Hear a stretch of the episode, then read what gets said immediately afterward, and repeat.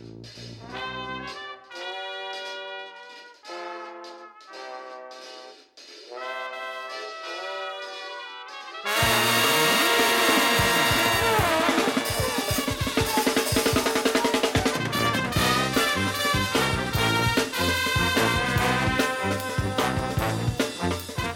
a chroeso i benod rhif 80 o Ysbeidiau Heilog gyda fi, Llywyd Owen a fi Lee Jones, lle byddwn ni'n rhoi sylw i'r pethau bach sy'n gwneud gwahaniaeth mawr i ni yn ystod y cyfnod hollol honco hwn. Yr er cyfnod honco sydd, wel, dwi wedi byth yn mynd i stopio nawr. Um, so tair mlynedd bod... i mewn nawr, tair mlynedd o hyd. Ie, yeah, ni wedi. Ni wedi, ni'n uh, ni, ni, ni, bedyn un yn, uh, yn gyfforddus, ond uh, fi'n siŵr oherwydd hynny bod yn gwrandawyr ni yn falch iawn o glywed hynny. E, lleisiau persain ni yn dod trwy'r clist ffonau yn wythnosol a fel podlediad hollol anibynnol ni'n dibynnu arnoch chi i uh, ledeini y gair a ti'n mai gyrraedd mwy o bobl so chi'n gallu gwneud hwnna trwy ein cyfrif Twitter ni ysbeidio'i hei pod neu Instagram ysbeidio'i hei log mae yna hefyd wybodaeth ar Cofi na dim Cofi ar Linktree gan gynnwys dolen at Cofi lle chi'n gallu prynu coffi i ni, neu just, ti'n mo, talu am bans glan i li o bryd i'w gilydd. Wel, dwi angen rhaid newydd. God, ti'n gwybod, mae yna rhywbeth, mae rhywbeth yn bod ar ddynion yn does lle dyn ni just yn gwisgo pants nes iddyn nhw just, just troi mewn i deilchion. A dyna beth sydd wedi digwydd i fi o hyd ac o hyd. So yeah, please, cyfrannwch at fy nhrôn si, please.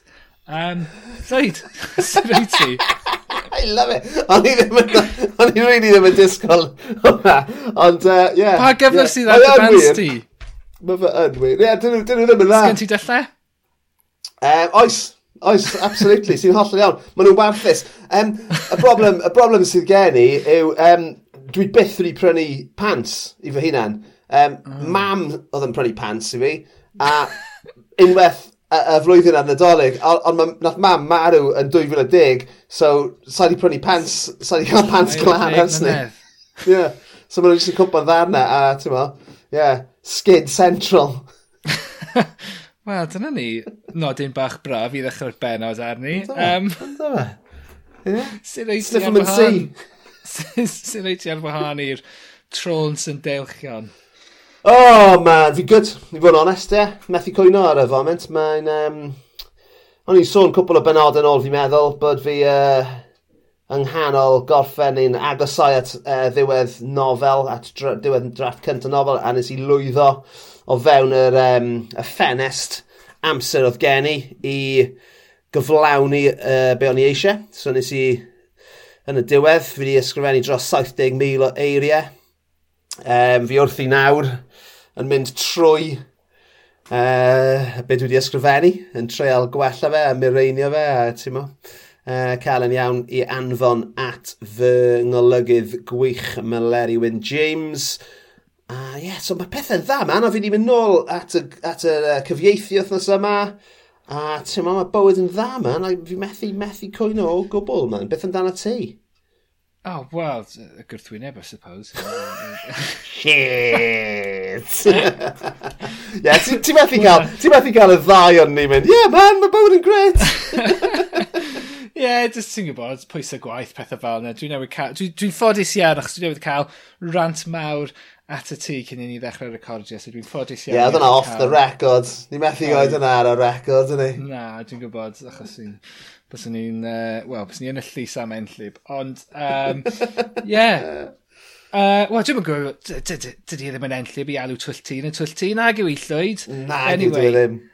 Um, yeah, jyst ti'n gwybod, just, just dyna fel mae hi, ti'n gwybod, mae pethau, mae ebbs and flows yn diwe, really, gyda gwaith. Ond, um, sôn so amdano ti'n gorffen y, y ddrafft gyntaf o'r llyfr, yeah. ti'n teimlo fel pan ti'n gorffen y ddrafft cyntaf, ti'n gwybod bod ti'n mwynhau golygu, mm -hmm. um, ond wyt ti'n ti teimlo fe'n anodd wedyn, unwaith ti'n ysgrifennu y geiriau, y diwedd, ar weilod y sgript, wyt ti wedyn, os na rhywbeth yn feddyliol lle ti'n gorfod dod dros rhyw rwystyr i fynd ati wedyn i ddechrau golygu?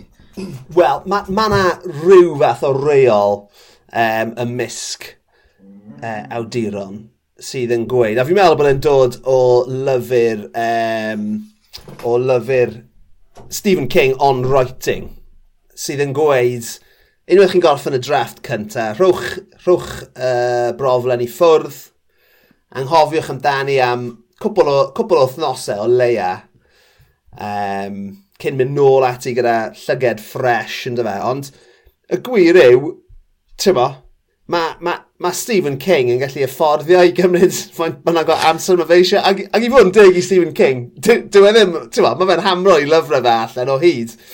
Um, ond ie, yeah, gyda, gyda, gyda fi, dyw'r luxury yna ddim gyda fi.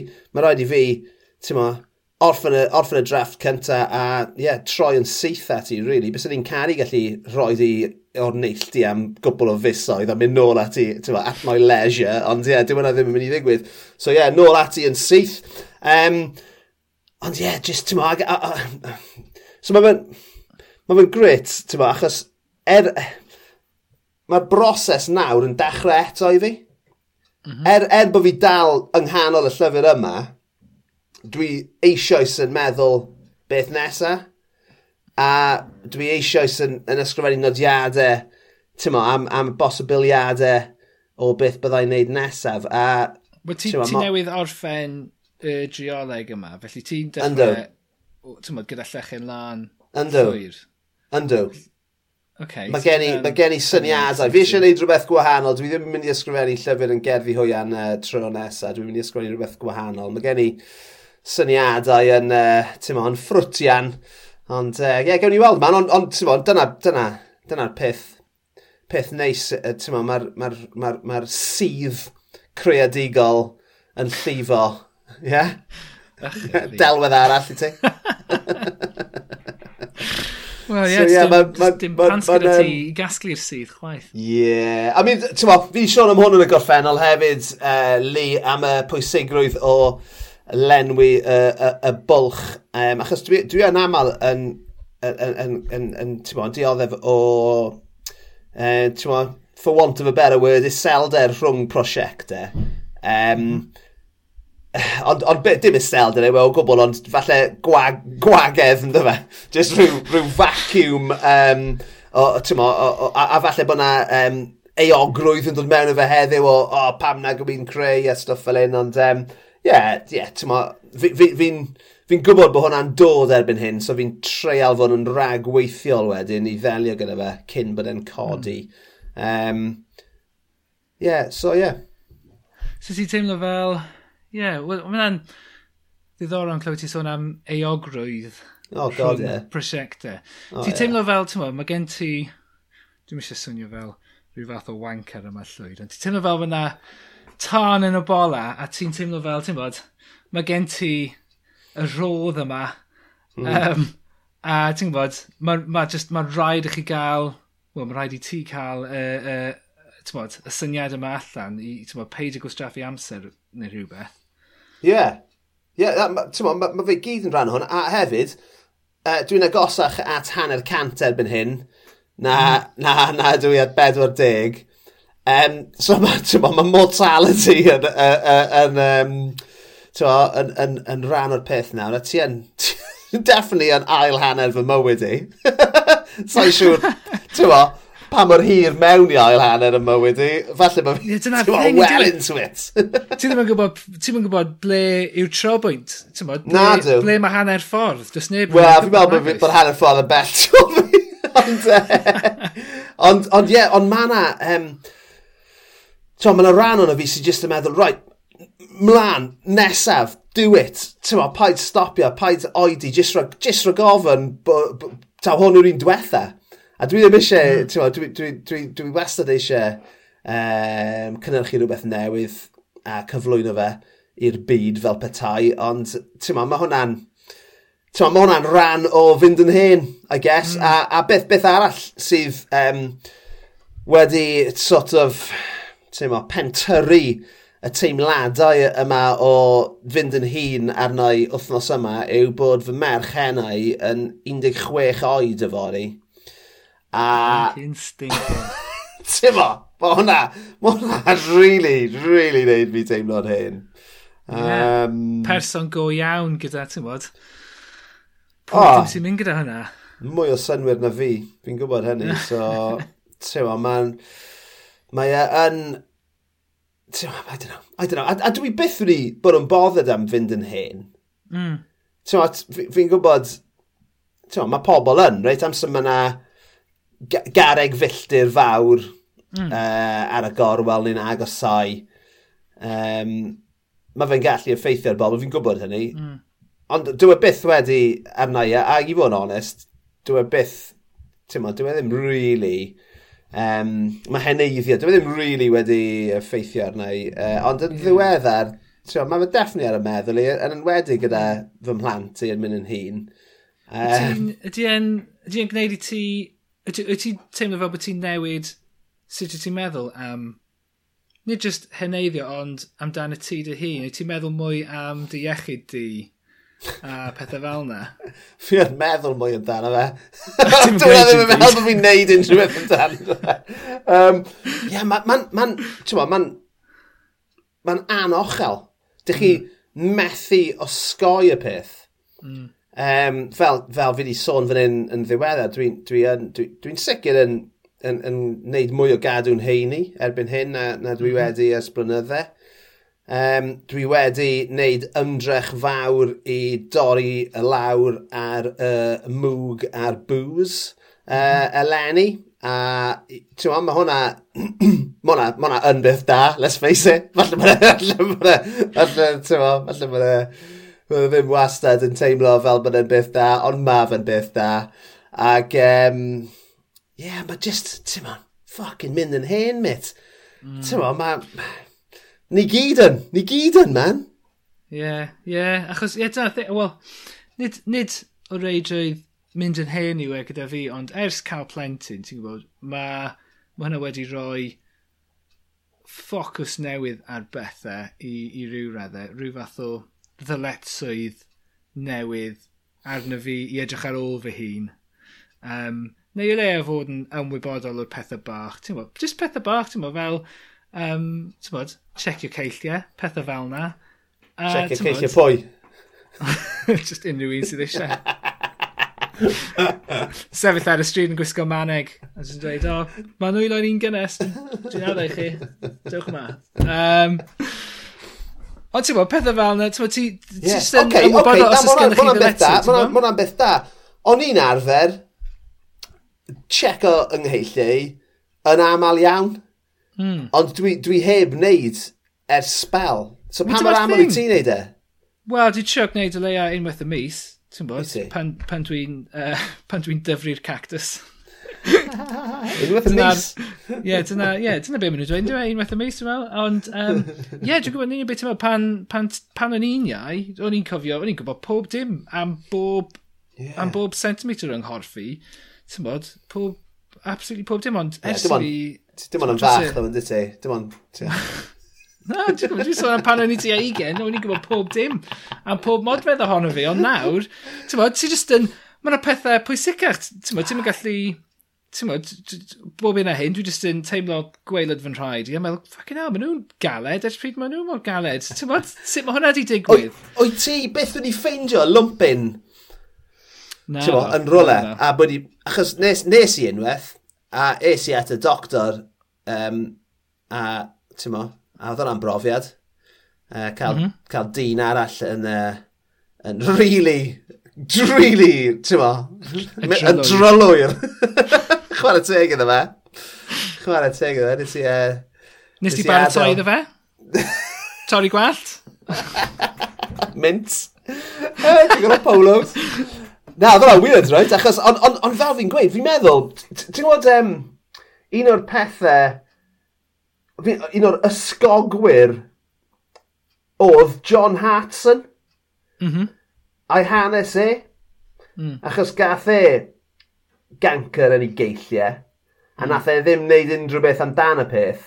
Mm. A tam bod hi'n bron yn rhy hwy, reit? Achos erbyn yeah. bod e yn delio gyda fe, oedd y canker yn ei ymenydd e.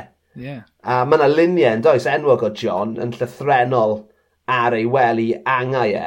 Mm. A mae'n wirthiol bod e dal fan hyn gyda ni heddiw. Yeah, ond yeah. on, on, on fi'n lli cofio yr adeg yna, ti'n ti'n o'n i, oedd hwnna'n definitely ysgog i fi, a sa'n gwybod pam, achos ti'n dwi yn, dwi yn hoffi, ti'n teimlo fy ngheillio fy hunan yn eitha aml, ond uh, falle bydd eisiau mynd cam ymhellach a wneud e mewn ffordd wyddonol yn lle ffordd rywiol o nawr mlaen. Mm. Wel, ie. Yeah. Dwi'n gwybod beth i ddweud i hwnna. Gwneud nodyn bach yn fyndyddiadur i... i. It's a uh, fine line. Mae'n ma, ma, ma, ma, yeah. a fine line rhwng, rhwng gwyddonol a rhywiol yn, uh, yn fy mywyd i.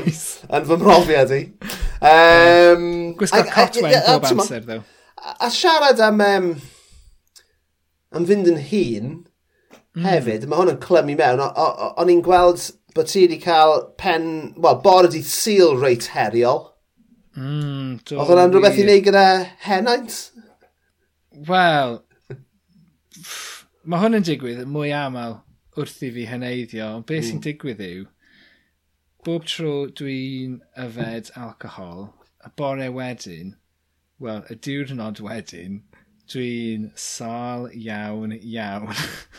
so, okay. okay. so nos Sadwrn, o'n i uh, dipyn bach yn Uh, beth di'r gair sy'n chwilio amdano fe yma? Chwil? Nid y gair ni'n chwilio am, ond un uh, addas, ty beth. O'n i... Uh, o'n Squiffy? Ang anghyfrifol oedd y gair o'n i'n chwilio amdano fe'n gyntaf. Okay. So, o'n i... Um, oedd... Uh, oedd y chwaer yng nghyfraith a'i ffantner hi i fyny uh, yn ymweld. Oedd y chwaer yng nghyfraith a Naomi yn mynd off i weld self-esteem yn performio yn Newcastle. So oedd ni a fy mrawd yng nghyfraith uh, wedi aros mewn, cael Ceri anferth a yfed gwyn. Na mae fe'n dod o dde America, felly mae fe'n yfed gwyn coch. Dwi ddim yn yfed gwyn coch o gwbl, felly oedd rhaid ni cael potel yr un. a o'n i'n bwriadu, ti'n gwybod, o, na gael probably dwy dreian o hwnna, a byddai'n ffain. Ond um, dyma'r ddau ohonyn ni'n gorffen potel yr un, A tywa, nath ni just, nath ni just bita'n pryd o fwyd, istedd yn yr un man ar lle, cario ymlaen i yfed y gwyn yma, potel yr un. Oedden ni'n ffain, o'n i ddim yn feddw o gwbl. A felly nath ni symud wedyn, o, oh, ni just, ti eisiau, ti eisiau gin? Oce, okay, sy'n ni cael A a tywa, fi sy'n gwneud y gins hefyd, so tywa, ti ddim yn hanner mesurau o unrhyw ffordd. so, ni'n ffain.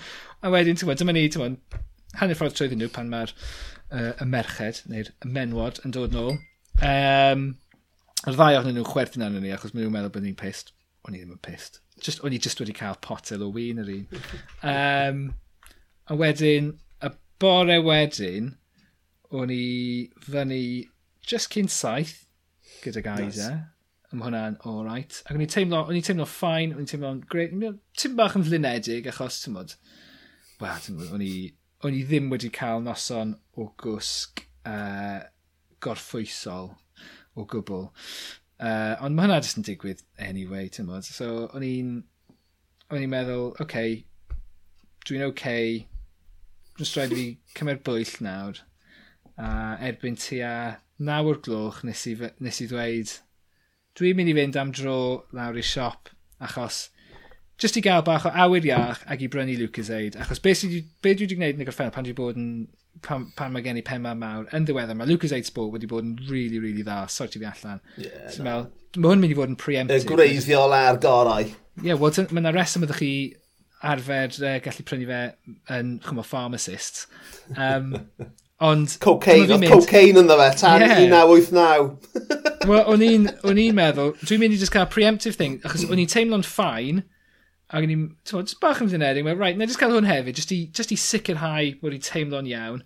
So i'n mynd i siop, ac uh, oedd yn two for one on Lucas Aid, oedd yn berffaith. So nes i brynu hwnna, a dwi... Oh, oedd hi'n edrych fel bod ni'n bod mynd i fod yn ddwrnod da ar y pryd yn dod. So nes i, yeah, so nes i brynu Lucas Aid a, a dau baced o Space Raiders, so oedd yn really oh, fucking amlwg beth oedd yn digwydd. Beef, beefy, beefy, beef. Oh, o hyd. Maen nhw'n amazing. Um, So mae fi'n, ti'n bod, cerdded nôl, cerdded nôl, pob dim yn ffain, mae fi'n yfed, yfed y Lucas Aid, bwyta'r creision, hmm. cerdded heibio uh, yr eglwys yma gyda clychan canu, a meddwl, oh, heddi mynd i fod yn ffain. Um, a wedyn, nes i gyrraedd nôl, a wedyn just, yn ar y bach, o popeth jyst yn dechrau dirywio. jyst yn ar y bach. So, tia awr wedyn, oedden ni'n mynd o fanna i soft play. Um, softplay anferth yma yn y stad diwydiannol. Ac yn fanna, dyna lle, ti'n modd, well, the wheels fell off llwyd. Um, Nethon ni fynd yn, nethon ni cwrdd â ffrindiau yna, a o'n i braidd yn gallu siarad. Um, o'n i just eisiau eistedd yna, yn dawel, just gwrando ar pobl arall yn siarad. Dwi'n mynd i dweud, o, oh, ti'n mynd nhw'n gwneud bwyd y stuff yma, ti'n mynd, just, oh, ti'n mynd, cael chips neu rhywbeth neu coffi, bydde ti'n ffain. A o'n just meddwl, no way dwi'n gallu bwyta amddi yfed dim byd yma. A yr her fewnol oedd gen i ar y pryd oedd o'n i eisiau bod yn sic. Ond yr her oedd, o'n i ddim eisiau bod yn sic. Yn gorfforol, o'n i eisiau bod yn sic. O'n i angen yeah, bod yeah, yn sick. Gweud, Ond yn feddyliol, o'n i ddim eisiau bod yn sic. Achos, oh my god, dwi ddim eisiau bod yn sic yn y fucking soft play. Achos faint o bobl sydd wedi bod yna. A ti'n bod, dwi ddim eisiau bod yn chwedu yn y toilet. Ma, beth os, os na blentyn yn dod mewn ac yn jyst yn clywed fi, ti'n tyma, achos dwi e ddim, dwi e ddim yn beth, wrth i chi fynd yn hyn, chwbod, mae ma chwedu yn newid. O'n i arfer, o e, pob dim sy'n dod fan i'n ffain ac o'n i'n hollol yn control fi pan o'n i'n iau, ond y dyddiau yma, mae swnio fel mae, chwbod, rhyw fath o... Wel, ti'n meddwl bod eich sgerbwyd chi'n trio dianc trwy'ch ceg chi yn diwedd, just... Mae'n oh, ma horrible. A dim reolaeth dros y syniad, dros y syniad ych chi'n neud, chwaith. So, o'n i, uh, o'n i just really, really ddim eisiau, ond yn y pen draw, uh, nes i fynd i toilet, nes i cael chwd bach, um, a nath hwnna, nath hwnna setlo pethau am spel, a wedyn nath ni fynd i McDonald's gyda pawb, ag uh, nes i cysgu yn y car. Pawb, oh. pawb ar plant yn mynd mewn i McDonald's a fi'n cysgu yn y car. Oh my god, o'n i'n warthu. So wedyn ar ôl hynna, nes i fynd o adre a nes i fynd i wely ag uh, dyhuno am pimp, dyhuno am pimp o'r gloch. Da gyda pen tost gwarthus ag, oh god, o'n i o'n i'n warthus. Ond ie, yeah, ond dyma'r thing o'n i'n trio dweud ar y dechrau wedyn, oedd mae hwn yn digwydd yn lot mwy reolaidd gyda fi nawr pob tro dwi'n yfed. Dwi e ddim, oedd e arfer bod t'mod, wel, falle unwaith y flwyddyn... Wel, pan o'n i'n lot iau, bys o'n byth yn digwydd. Bys ni'n gallu yfed ag yfed ag yfed, mix o drinks, pob dim ffain y bore wedyn. Ac o'n i'n really, really smug. Ond ers i fi droi'n ddeg ar ugen, mae ma rhywbeth wedi newid yn metabolism. A, a beth sy'n digwydd yw, os dwi'n cael tair neu pedair paint ar noson, weithiau dwi'n hollol ffain y diwrnod wedyn, a weithiau dwi'n warthus. Just dim ffordd o um, rhag fynegu yeah, pa yeah. ffordd mae hwnna'n mynd i fynd. A, tyma, a tyma, oedd, wel, o'n i'n gallu rhag fynegu sut o'n i'n mynd i deimlo dydd syl yma off yeah. gefn faint o'n i di yfed. O hwnna'n amlwg. Ond, ie, yeah, ond dyma thing yw, tyma, os, os dwi ddim yn gallu rhag fynegu sut dwi'n mynd i deimlo, mae hwnna'n gwneud i fi deimlo tim bach fel, tyma, wel, Beth yw'r pwynt? Is, yeah, is it worth the risk? Ydw i eisiau, yeah. ydw i eisiau teimlo fel hwn? Twa, beth sydd gen i i wneud y, y diwrnod canlynol? Achos twa, pan mae gen ti blentyn, mae'n rhaid i chi, twa, mae yna gyfrifoldeb. Mae nhw, twa, nhw ddim eisiau chi fod yn y gwely trwy dydd. Mae nhw eisiau chi gymryd nhw allan. Cos bod nhw i soft play, fwn yn sec. Yeah, yn union. Sio, oedd yr uh, soft play yn aroglu? O, ti'n gwybod be, the soft play yma yn amazing. Oedd yn e? anferth, Just tymod, lle mawr gyda nenfod uchel ac oedd um, safon yr offer i gyd yn dda, oh, okay. pob dim yn glân, oedd e'n gret, so chwarae teg yeah. iddyn nhw. Dwi, e bod i soft players blynydde, ond ti'n meddwl, oedd na adeg fel pob well, client. Mae ma, ma, dy, ma dy ferch hena di'n 16, bys ni'n synio sy'n yeah. bod yn ddiweddar. Ie, yeah, a fi ddim diddordeb mwyach, ond fi'n lli... Y, y peth sy'n sefyll allan, o ran y soft play yw'r arogl o BO mm, sydd yn pob un honyn nhw. Yeah. Yn dos e, mae ma, ma, ma ti'n agor y drws ffrynt a mae'n just, ma, ma just yr arogl na a, I don't know os mae... Chwys, chwys plant sydd yn sound yn yeah. y, yn y yeah. cyfarpar yw e. O, sydd wedi plethu gyda yeah. y deunydd. Yeah. Ac, um, I don't know os bydd bydde ferch di'n ddigon hen i fynd. Os na, os na fel parciau trampolin gyda ti lan... Oes, ti oes. Mae'r hynna'n wath. Mae'r ma, arogl mm. fyna yn wath fydd. Mae'n fucking disgusting y lle fydd yna. Plant chwislyd ym hon. Oh! Ond ie, yeah, o'n i'n ffodus, achos os oedd hwnna di digwydd, os, os oedd y lle yma'n yn aroglu, bys ni di just, mod, un cam i mewn a just chwedi yn y fan ar lle. Okay. Like, uh, Nawr, dath o ddim digwydd i TDC, achos ti'n rhy sal, Ond a, a, a wyt ti beth wedi mynd yn stuck fel, ti'n mo, lan un o'r fframau dringo sy'n gyda rhwyd rownd e.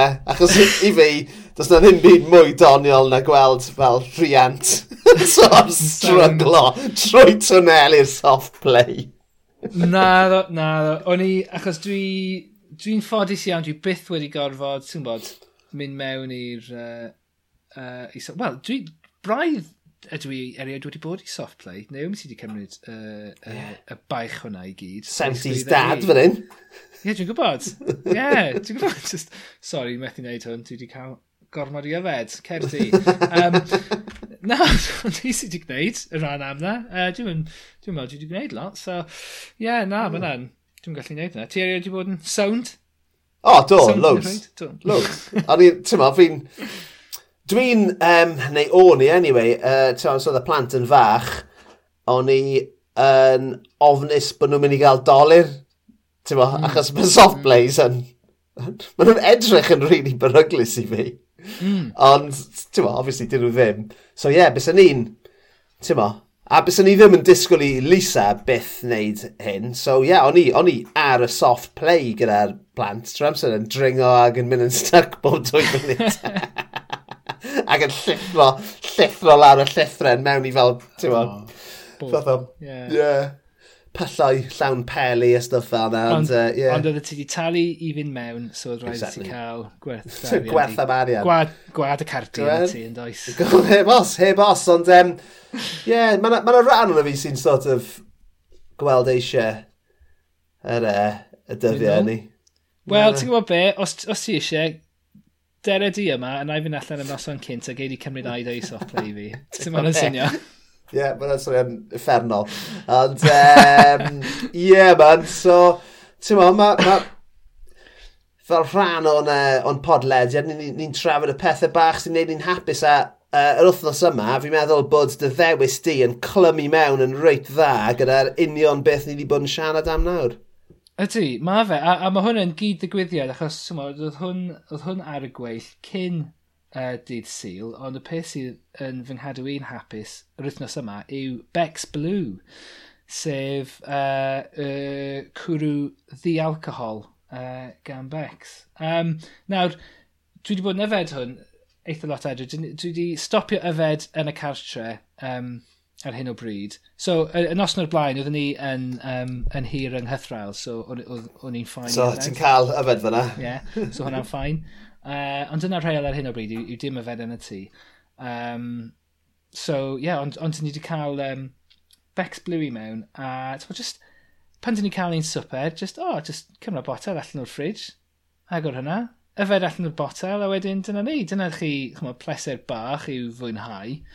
A ie, yeah, mae wedi bod yn hyfryd. Ac um, o'n i di falle rhyw tair mlynedd yn ôl, dwi'n meddwl oedd e?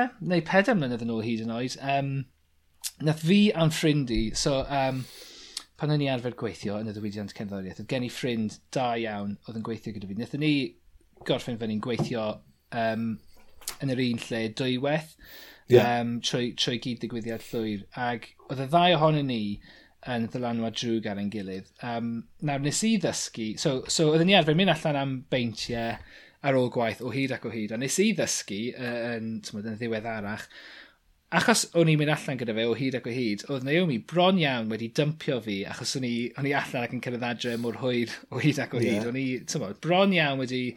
Uh, gweld... Siarad yn dyfaru peidio erbyn hyn.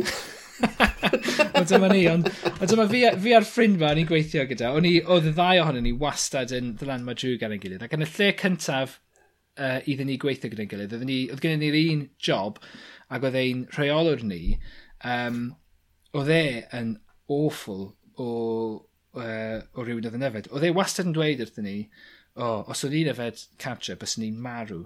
Ac um, ers hynny, mae fe wedi cael harten Ond, uh, wir er. Ond mae fe, to, dal i fyw, um, dwi'n meddwl. Anyway, be, ond, ond beth yn digwydd yw, pob tro oedd gyda ni, ti'n ein asesiad, ti'n bob chwarter gyda'r gyda, bos yma, bydde fe ddim yn gwneud e yn y swyddfa, bydd e'n dweud wrthyn ni, cwrdd â fi yn y pub yma am hanner dydd, oh. ac byddwch chi'n mynd yn am hanner dydd, a bydde fe jyst yn prynu paint drwy dydd i chi.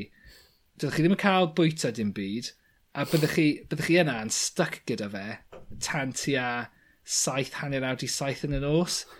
Fuck me. A hwnna ddim bos ni. Um, felly oedd hwnna yn rhoi trwydded i mi a'r boi arall yma. Just tymod, wel, dyma, dyma ein arweinyddiaeth ni, dyma'r dyma, uh, diwylliant yn y lle yma, neu o leia yn ein patch bach ni.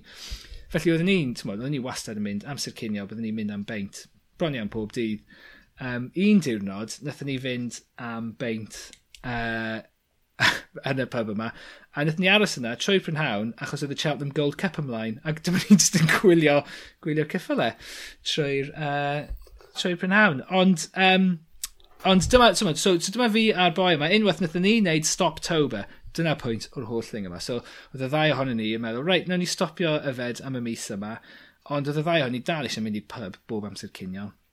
Felly oedden ni'n mynd o gwmpas i pubs ac oedden ni'n trio yr er cwrwau ddi-alcohol i gyd i drio yeah. ffeindio allan pa un oedd y gorau. Ac um, be wnaethon ni ffeindio oedd uh, rai gorau, wel, yn ein, yn ein bar ni, rhyw tai mlynedd yn ôl, oedd Bex Blue a Heineken. Oedd Heineken yn, yn, yn, yn weddol, ond, ond yeah, Bex Blue oedd yr un gorau. A mae hwnna yn swnio'n really, really siomedig really, achos mae Bex Blue ar gael ym hobman, a mae'n teimlo tim bach yn basic, achos ma, pwy sydd eisiau Bex? Os, os, os ti eisiau cwrw gyda'r alcohol ynddo fe, ti ddim really eisiau Bex. So mae'n teimlo fel, o, oh, ddim eisiau Bex heb alcohol, achos mae Bex bach yn eisiau. Ond ti'n meddwl be, mae'r Bex Blue standard pretty decent, ti'n gwybod? Felly, okay. um, felly ie, yeah, wedi bod yn hyfryd cael hwnna yn y tŷ. Dwi byth wedi yfed cwrw di alcohol. Waw. Wow, dwi byth wedi blasu'n. Bysa well fi fynd, fynd heb. na, mae ma, ma, na, ma na roi gartre dyn ni. Mae ma Lisa, fel ti, mae hi'n hoff mm. iawn o gael, um, ma, potel o gwrw, mm. di-alcohol. Achos erbyn hyn, wrth gwrs, mae'r ma, cwrw di-alcohol yn blasu fel cwrw, yn dweud? Ydy. Um, Ond ie, yeah, dwi, dwi, dwi, dwi byth yn ei blasu fi, na? Wel, y thing yw gyda fe hefyd yw rhan fawr o'r pleser o yfed yw nid o reidrwydd yr alcohol, ond y ddefod yna. Mm -hmm. um, a dyna beth ydych chi'n cael, ti'n gwybod? Ydych chi'n gofod cael, ti'n gwybod, agorw'r poteli, ti'n gwybod, agor e, mae'n oer, a ti'n gwybod, mae'n gwella syched mewn eiliad, yeah. ti'n gwybod? A mae'n ffizi, a mae jyst, ti'n gwybod, mae ma hwnna i gyd yn um, rhan o'r y pleser bach yna o gael cwrw. Yeah. A dys dim ots pan ddim alcohol, achos mae jyst yr eiliad yna, ti'n pan ti'n cael y, y, y, y, y tamed bach cyntaf yna ar eich tafel chi, dyna dyna'r dyna pleser mwyaf o cael cwrw, dwi'n meddwl. Ac, um, fi'n fi angytuno'n llwyr gyda hynny. Be, cael y chwil i'r pleser mwyaf, anghofio am bob dim. Na, ond ti'n gwybod be? Na, dyw'r dyw buzz bach tipsy na ddim fyna. Mm, a dyna, yeah, yeah, yeah. mae'r... Ma, ma, o, dwi ddim eisiau hwnna yn y tŷ. Ie, yeah, falle. Dwi, achos dwi'n mwynhau yfed yn y tŷ, a dwi'n mwynhau, ti'n tymod, eistedd y flaen y teli, a just gwydred arall o wyn, gwydred arall o wyn. Ond dwi ddim yn mwynhau, ti'n tymod, bod yn tipsy o hwnna, achos dwi ddim yn gwneud gwahaniaeth i fi. Achos dwi ddim angen, tymod, dwi ddim angen, tymod, ymlacio er mwyn, tymod, gwneud jokes o flaen fy mhartner o ddegawd. Ti'n gwybod? Dwi'n eitha gyffyrddus gyda'n gilydd. Dwi'n gallu gwneud jokes heb cael diod o'i flaen hi, ti'n gwybod? Yeah. Yeah, ti angen hwnna I hyd? Ti angen, ti angen y, y diod? Na, na, dwi just, dwi just, dwi, dwi genuinely... Falle, falle bod fi just ddim yn hoffi blas lager cymaint mm. o hynny mm. sydd byth yn ei wneud i fi feddwl, o oh, yeah, na gael, na just cael y blas heb fel yr edge. Yeah ychwanegol yna. Ond ie, yeah, dyma byth wedi croesi fy meddwl i i yfed cwrw di alcohol. A, a, dyw, a, a dyw hwn heb fy nar bwylloi heddiw. Beth os? Dwi'n eitha sicr bod na bron i ddim calories ynddo fe hefyd. Beth am hwnna? Di hwnna'n newid y feddwl, di? Um, mae hwnna yn beth mawr wrth gwrs, achos mae'r ma, ma, ma, ma calories yn, um, mewn cwrw yn drwm iawn. Ond mae yna hefyd... gweigion. Wel, ie. Yeah. Mae nhw'n... Ma, ma na nifer fawr o uh, gwrw um, calori, caloriau isel mm. ar gael erbyn hyn. Um, Tyma. Ond, ie, yeah, ar y foment. Dwi'n eitha hapus gyda maint fy mola a fy mronau, so uh, dwi ddim yn edrych i golli pwysau. Wel, ti'n bod, da iawn ti. Dyn ni gyd ddim yn gallu fod yn adonis nag yn ei llwyd. Ie, man! Ie, ie. Ond ie, yeah, ond ni te, so ti'n ti hapus gyda dy gwrw di alcohol, yn enwedig ar ôl bod yn sic a disgrace o dy hunan efo'r di seal. Um, yeah. So ie, yeah, cadw di, cadw di at y, at y Bex Blue nawr, mister. Wel, am spel falle. Wel, pan dwi'n y tŷ o leia. Be amdano ti, Llwyd? Be sy'n cadw ti'n hapus? OK, wel, ti'n gwybod, fi'n siŵr bod pawb yr un peth a fi yn hoffi mynd ar YouTube i chwilio am fideos gan Dom, fy hoff band i o'r 90au. Mae pawb yn gwneud hynna, fi'n siŵr, right? Ond, y tro, yn, yn ddiweddar, Uh, tra bod fi'n edrych am fideos newydd Dom, a yna dwy newydd wedi ymddangos yn ddyn lle hefyd yn ddiweddar, so os unrhyw un sy'n gyda diddordeb. Um, nes i ddod ar draws cyfweliad absolutely amazing rhwng Eddie Ladd a Brychan Llyr ar fideo naw o 1990. A nath hwnna fy arwen i wedyn uh, ar drywydd y grŵp Jess a gyrfa um, unigol brychan llir wedyn fel, fel ca, canwr cyfansoddwr. Um, a, a, a dwi eisiau siarad am y cyfweliad, ond dwi hefyd eisiau siarad am fy nghariad i at brychan llir, achos mae fe mynd... Dyw hwn ddim yn rhywbeth diweddar, er taw dyma'r tro cyntaf i fi ffeindio'r cyfweliad yma. So os gallwn ni Uh, siarad am y cyfweliad yma yeah. yn gyda. Hwn ti'n sbardin na pob dim gyda ti'n ddiweddar, so ie. Yeah. Ie, yeah, fi wedi bod, bod, bod yn siarad am hwn gyda ti ers tua deg diwrnod nawr, a mae e, o, mae'n ma werth i weld, byddwn ni'n yn, yn sicr yn rhoi dolen at y cyfweliad, a mae'n werth i weld, so o'r o'r flwyddyn 1990, fel fi'n gweud, so mae Eddie Ladd... So, no, ni rhoi'r holl beth yn, yn, yn, yn y cyd-destun, so Brychan Llyr a Jess So beth oedd yn digwydd gyda nhw yn y okay, cyfnod yeah, yma? So, OK, so yn 1987, uh, e, nath Brychan e, uh, Llyr a uh, tri ffrind, e, uh, wnaethon nhw greu'r band um, Jess yn, ys yn yr ysgol. Uh, ysgol Aberteifi fi'n meddwl, eithon nhw i. So mae gen nhw Emyr Davis ar bass, Owen Thomas ar uh, drums, Chris Lewis ar gitar a brychan ar, uh, yn canu.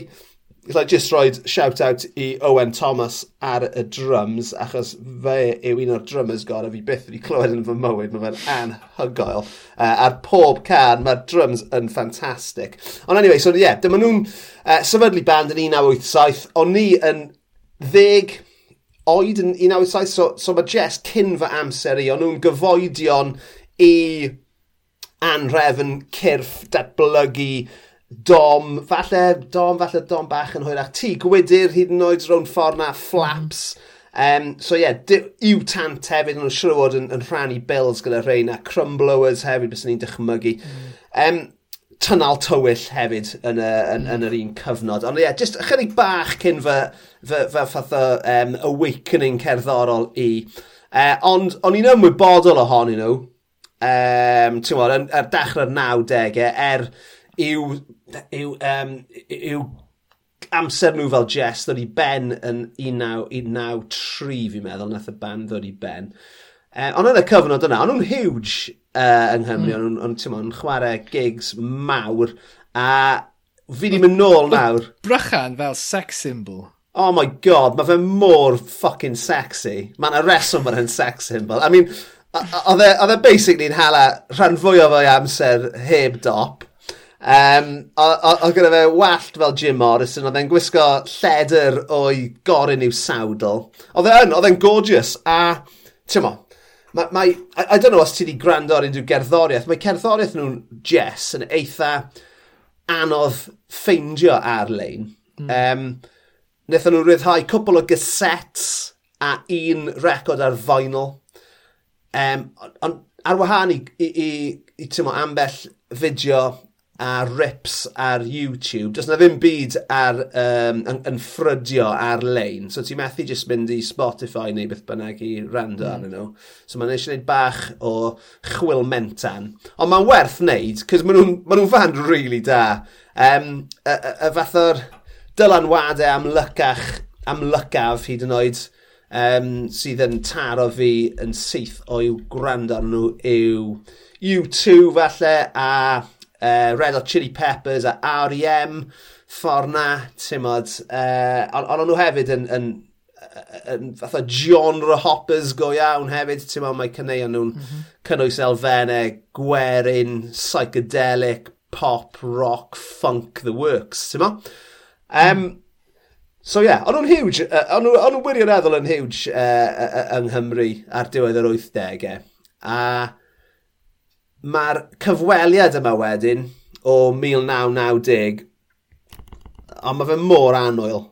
dyna'r dyna, dyna, gair cyntaf uh, sy'n dod i'n meddwl i. Mae'r... Ma, ma um, mae yna real cyf cyfeillgarwch rhwng Eddie a Brychan i ddechrau fi'n meddwl. Mm. Fi'n fi, fi, mm. credu bod nhw'n... Mae'r ma, ddau nhw'n dod o'r gorllewin. Uh, dwi ddim yn gwybod os o'n nhw'n mynd i'r un ysgol, na, dim byd fel yna, ond yn sicr, uh, eh, mae Eddie Lad wedyn yn, yn, yn troi lan ar nifer o... Um, uh, nifer o fideos arall, achos mae nath fideo naw ddilyn nhw i Prag er enghraifft ar mm. daith a i, i, i, i llefydd gwahanol, ac oedd Eddie a'r band yn amlwg yn ffrindiau. Ond mae'r cyfweliad yma yn cael ei gynnal yn fferm yr hendre, sef cartref Dick Jones a'r teulu a y lle gath brychan llir ei enni, fel mae fe'n gweud yn y, yn y cyfweliad, yn y, bath, yn, yn y bedroom mas y bac.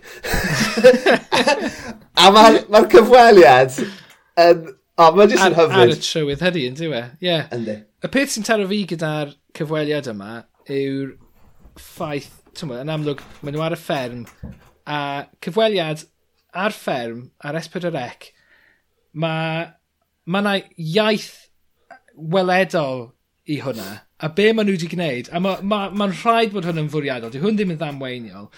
Achos, ti'n bod, fideo naw, highly stylized, oedden nhw'n gwybod yn union be maen nhw'n gwneud.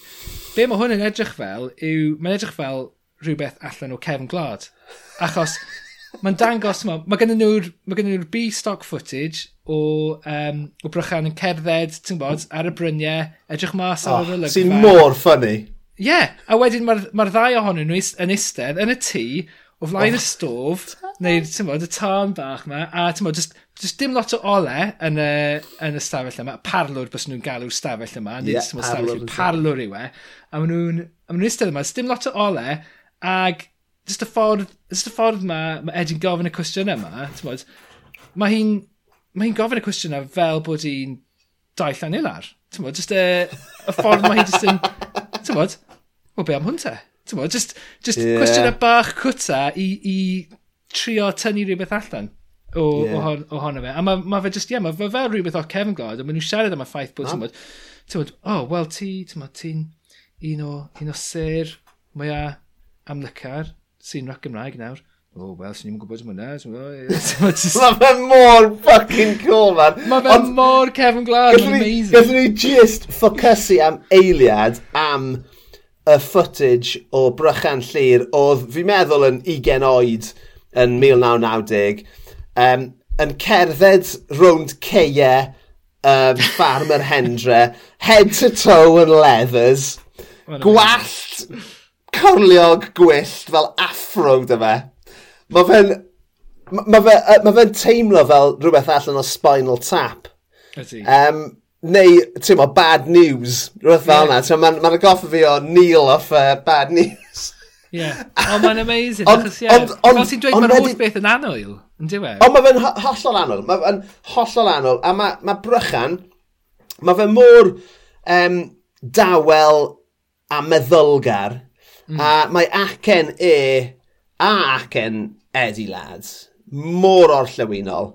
Mm. A mae jyst, fel ti'n gweud, mae jyst yn, yn bwydo mewn i'r teimlad yma o, bod yn eitem ar cefn gwlad. Ond mae ma beth mae Brychan yn, yn siarad am, mae fe mor ddi ymhongar. Ydy, a, eitha swil. A, a, o, hollol. A y peth sy'n dod ar draws yw'r cysylltiad fatha cynhenid yma sydd gyda fe gyda'i gartre fe. Mm. A dwi'n meddwl, really, fel person 20 oed, meddwl nôl i fel o ti yn 20 oed, amser un 20 oed, ond i ddim eisiau bod yn agos at yng nghartre.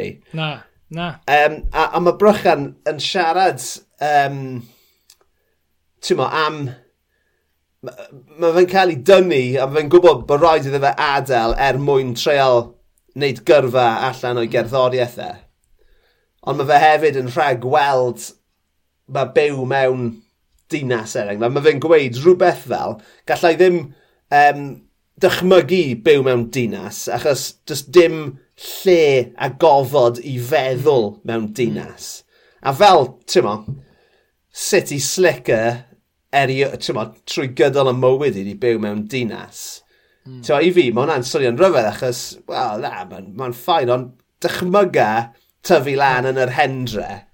Mm. A ti'n mae hyd yn oed, ti'n ma, mae hyd yn oed Cyrdydd sy'n un ddinas fawr yn, yn, rhoi, yn amlwg yn rhoi'r ffyr i brychan llir ar sy'n mynd i genoed. Dwi'n dwi cyd ymdeimlo gyda hynna i rhywun yeah. Nes i dyfu fyny ar Ben Bryn, a ti'n mod, symud i Lundain, a wedyn ers symud o Lundain i lan y môr, oh my god, ti'n mod, achos mae'n rhywbeth sydd ddim yn sylwi nes i ti nes i ti cael yr awr agored yna o'ch blaen, yeah. o'ch blaen chi. chymod. Uh, so ie, yeah, dwi'n cyd ymdeimlo gyda hynna mm. i ryw radd. Mae'n rhywbeth dwi'n um, ti'n dwi'n fan mawr ohono fe i bawb cael. Yeah. Awr Gallai... agored. Wel, Ie, yeah, so, so just, just i fynd nôl at, ti'n ma, ni postio'r cyfweliad yma, mae'n werth gweld 5 munud yma, e, a mae fe yn hyfryd. Um, Ond nes i ddim really ddod i, uh, ddod yn ymwybodol o, o Brychan Llyr fel artist cerddorol tan diwedd y 90au pan weles i fe yn perfformio dwy neu tair can acoustic ar E-Dot. Mm. Uh, a'r gan sy'n sefyll allan yw can rhan o Woman, sydd yn amazing. A mae... Oedd Brychan wrth ei fodd bron fel bod e'n canu scat, dros e, rai rhannau o'i ganeuon e. A mae fe'n defnyddio ei laesau, ti'n meddwl, mewn ffordd ddiddorol iawn mae'n neud hyn, yn, mewn caneuon gyda Jess a wedyn trwy i yrfa um, fel, fel um, perfformiwr unigol. Ond ar ôl, ar ôl clywed e'r ar e-dot, es i, i brynu un o'i CDs e, CD cyntaf fe, os gallai gofio ei enw fe, Valeno Rumoroso. Ac o'n i'n meddwl, pam yn y byd bod gyda fe enw ei dalaeth ar, ei, um, ar, ar, ei album, cynt, album, ail album e oedd. Ond achos, os gallai jyst roed segwe bach, yn 1997 nath e, um, nath e ryddhau album rhan o Euphoria a oedd Brychan yn arbrofi trwy ganu dros arddulliau jungle hip-hop a garage ar yr album yna. Nawr, dwi byth wedi clywed yr album yna, ond bys ni really, really yn hoffi well, just, clywed yr album yna. Meddyliau di beth oedd yn digwydd, 1997, oedd um, Madonna wedi gwneud yr album yna, fuck beth oedd e- enw'r album yna, ond uh, Ray of Light, Yeah, right? yeah, yeah. Oedd, Gyda um, William Orbit. Kylie, Ie, ie, ie. So oedd hwnna gyd yn digwydd. Oedd Kylie wedi gwneud album tebyg o gwmpas yr, yr adeg hynny. A wedyn oedd uh, Bowie'n gwneud yr un fath o bethau hefyd. So, tyma, dyma beth oedd tyma, y tirwedd ar y pryd o beth oedd yn arbrofol a beth oedd yn cool. Felly, swn i ddim yn syni bod e'n swnio lot fel hynna. Yeah. Swn ni yn hoffi clywed yna, ond ie, yeah, ond on mae album, mae, ma album uh, Valeno Rumoroso o 1988, De Can Acoustic, o, oh, mor hyfryd. A ar y pryd, o, o, o, o be fi wedi darllen am, oedd Jess wedi teithio yn yr eidl um, yn eitha helaeth. A dyma, dyma um, Brychan yn datblygu uh, neu'n meithrin perthynas gyda rheolwr wedyn o'r eidl. A oedd Brychan am gwpl o flynydde, oedd e'n mynd i deithio ac yn chwarae gigs rhwng yr eidl ar ben ei hunan. Uh, Oedd e'n fwy poblogaidd yn yr Eidal nag oedd e yng Nghymru. Um, a mae hwn, amser nes i ddarllen y, uh, neu, neu, o, o, o bod y, nof, y, y, y, y, um, y stori yna, mae ma, ma Brychan Llyn wedi, wel, wedi ysbrydoli dau gymeriad mewn dwy nofel wahanol fi wedi ysgrifennu. So yn yr ergyd olaf, mae yna gymeriad o'r enw Luca Parenti, sydd yn byw yng Ngheredigion mewn, mewn, mewn um, eiddo sydd yn edrych dros y môr. Ehm, um, mae fe'n cadw cyffylau um, a mae fe'n seren roc poblogaidd yn yr eidl.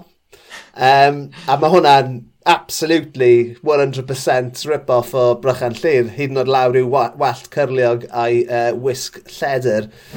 a wedyn, yn, um, uh, mewn, mewn, oedd hwnna, 2009 falle nes i ysgrifennu, 2008 falle nes i gyhoeddi yr ergyd olaf.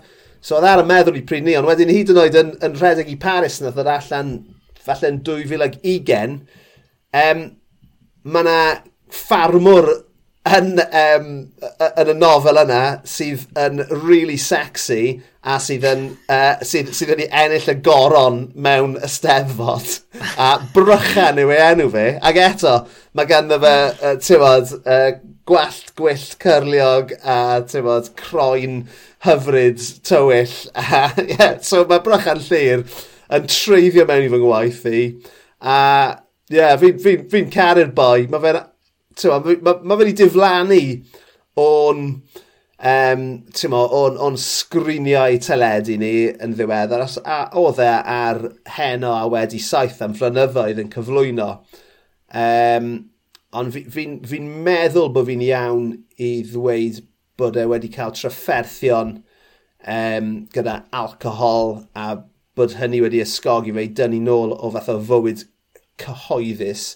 A erbyn hyn, mae fe'n brido ceffylau ac yn rhedeg y fath o gwersyll tipis ar fferm yr hendra.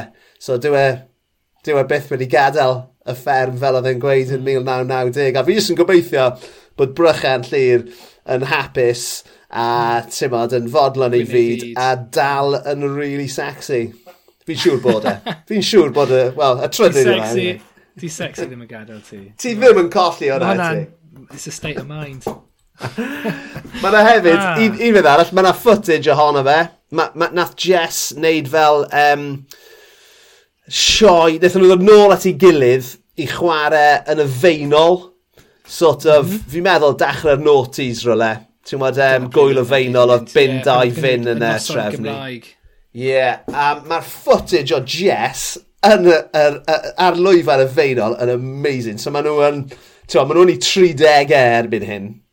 Mm. Uh, os nad hyd yn hyn. Ond mae ma fe'n topless. Fucking corff absolutely hyfryd arno fe.